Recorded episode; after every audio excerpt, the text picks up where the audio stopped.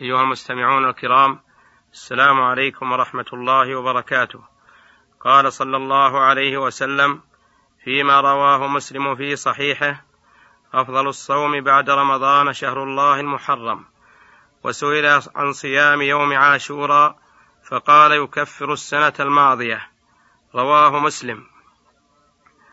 ولما قدم النبي صلى الله عليه وسلم المدينة مهاجرا وجد اليهود يصومون يوم عاشوراء. فقال ما هذا اليوم الذي تصومونه؟ قالوا هذا يوم عظيم. نجى الله فيه موسى وقومه وأغرق فيه فرعون وقومه. فصامه موسى شكرا لله فنحن نصومه. قال صلى الله عليه وسلم نحن أحق بموسى منكم. فصامه وأمر بصيامه وقال لئن بقيت إلى قابل لأصومن التاسع مع العاشر وفي لفظ صوموا يوما قبله أو يوما بعده خالف اليهود. وفي رواية صوموا يوما قبله ويوما بعده. رواه أحمد ومسلم وأصله في الصحيحين. فينبغي للمسلم أن يصوم الأيام الثلاثة اليوم التاسع والعاشر والحادي عشر. ليحصل على فوائد متعددة. الأولى أنه يكتب له أجر صيام الشهر كله لأن الحسنة بعشر أمثالها. وكان النبي صلى الله عليه وسلم يصوم ثلاثة أيام من كل شهر ويأمر بها. الثانية أن صوم هذا الشهر أفضل الصوم بعد رمضان كما نص عليه الحديث المتقدم. الثالثة مخالفة اليهود بصوم التاسع والحادي عشر مع العاشر. الرابعة الاقتداء بالنبي صلى الله عليه وسلم فقد صامه وأمر بصيامه. رواه البخاري ومسلم عن ابن عباس رضي الله عنهما. الخامسة أنه يكفر ذنوب سنة كاملة والمراد بها الصغائر بشرط اجتناب الكبائر. والصوم من حيث هو أجره غير محصور وغير محدود. قال صلى الله عليه وسلم كل عمل ابن آدم له الحسنة بعشر أمثالها إلى سبعمائة ضعف.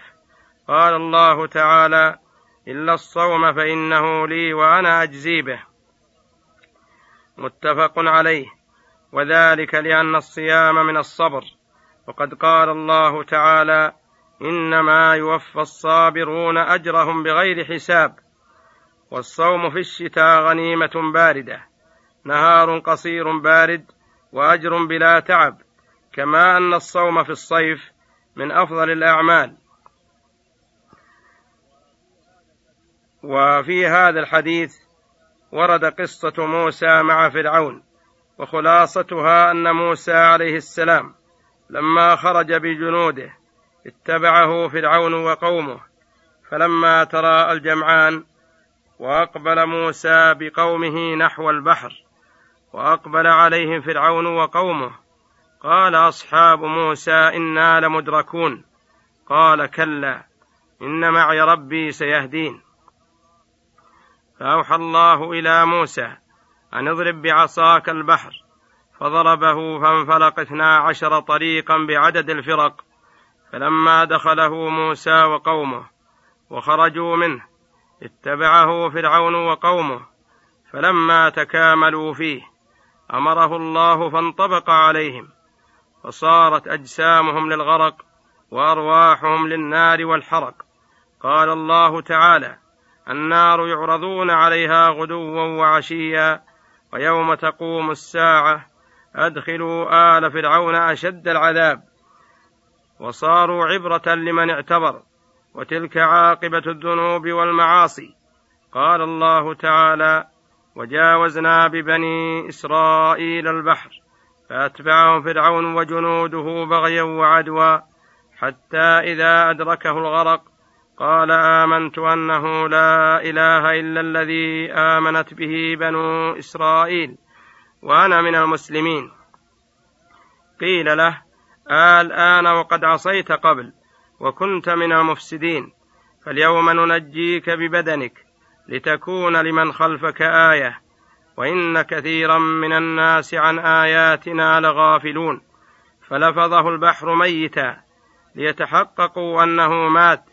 بعد أن كان يقول أنا ربكم الأعلى ويقول ما علمت لكم من إله غيري. وهكذا تكون عاقبة الظلم والطغيان ولعذاب الآخرة أشد وأبقى. وفي الصحيحين عن ابن عباس رضي الله عنهما أنه سئل عن يوم عاشوراء فقال ما رأيت رسول الله صلى الله عليه وسلم صام يوما يتحرى فضله على الأيام إلا هذا اليوم يعني يوم عاشوراء العاشر من المحرم. ويوم عاشوراء له فضيلة عظيمة وحرمة قديمة وصومه لفضله كان معروفا بين الأنبياء عليهم السلام. وقد صامه نوح وموسى عليهما السلام. وقد كان أهل الكتاب يصومونه وكذلك قريش في الجاهلية كانت تصومه. وكان للنبي صلى الله عليه وسلم في صيامه أربع حالات. الأولى أنه كان يصومه بمكة ولا يأمر الناس بالصوم. ففي الصحيحين عن عائشة رضي الله عنها قالت كان عاشورا يوما تصومه قريش في الجاهلية وكان النبي صلى الله عليه وسلم يصومه. فلما قدم المدينة صامه وأمر بصيامه. فلما نزلت فريضة شهر رمضان كان رمضان هو الذي يصومه فترك يوم عاشورا فمن شاء صامه ومن شاء أفطره.